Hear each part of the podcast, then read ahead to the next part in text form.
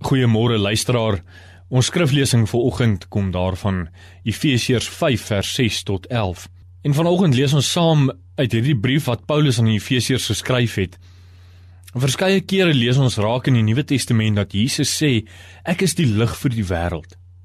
Nou lees ons ook dat Paulus skrywe dat ons ek en jy soms mense van die lig moet lewe.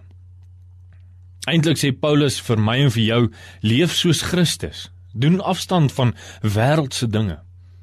Want die lig is nie van die wêreld nie. Vanoggend het ons sekerlik die beste voorbeeld van wat dit beteken om lig vir die wêreld te wees. En dit is die wonderlike sonsopkoms. Daar is niks wat vir die lig kan wegkruip of weggesteek kan word nie. Selfs die kleinste gleufie of gaatjie laat die lig inkom.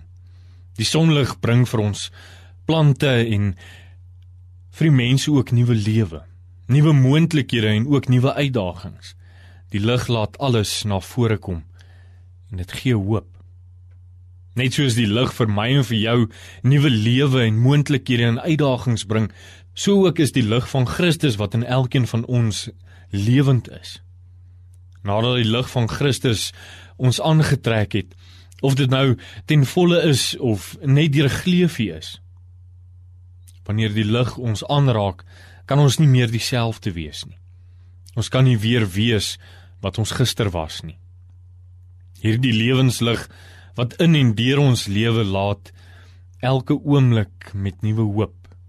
Hoop wat ook in hierdie somse donker wêreld van ons moet gaan uitleef.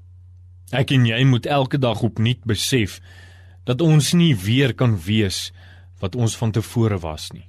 Ons kan in Christus en deur Christus elke dag nuut en anders wees. Leef dit dan ook so elke dag as 'n mens van die lig wat hoop gee deur die lig van Christus in die wêreld.